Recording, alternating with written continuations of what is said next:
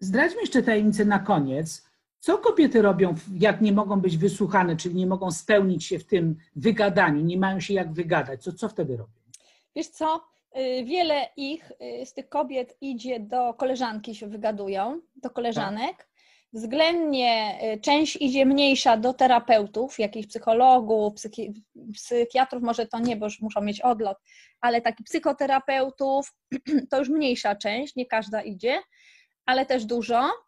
E, I jest część, która siedzi w kąciku i płacze. I taką koleżankę miałam, która siedziała w kąciku i ryczała, sama wywalała tego męża, bo jej coś nie spasowała i wynocha, spakuj się wynochami. E, rozwiodła się z nim, po czym wiele lat była taka gra. Ona go wyrzucała, on już był spakowany, brał ten, wyjeżdżał do mamusi do Mielca, tam miał pracę.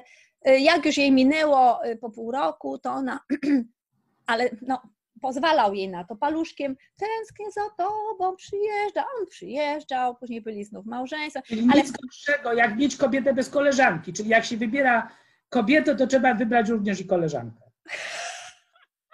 Dobre, dobre, wiesz, nie pomyślałam o tym, muszę się nad tym zastanowić.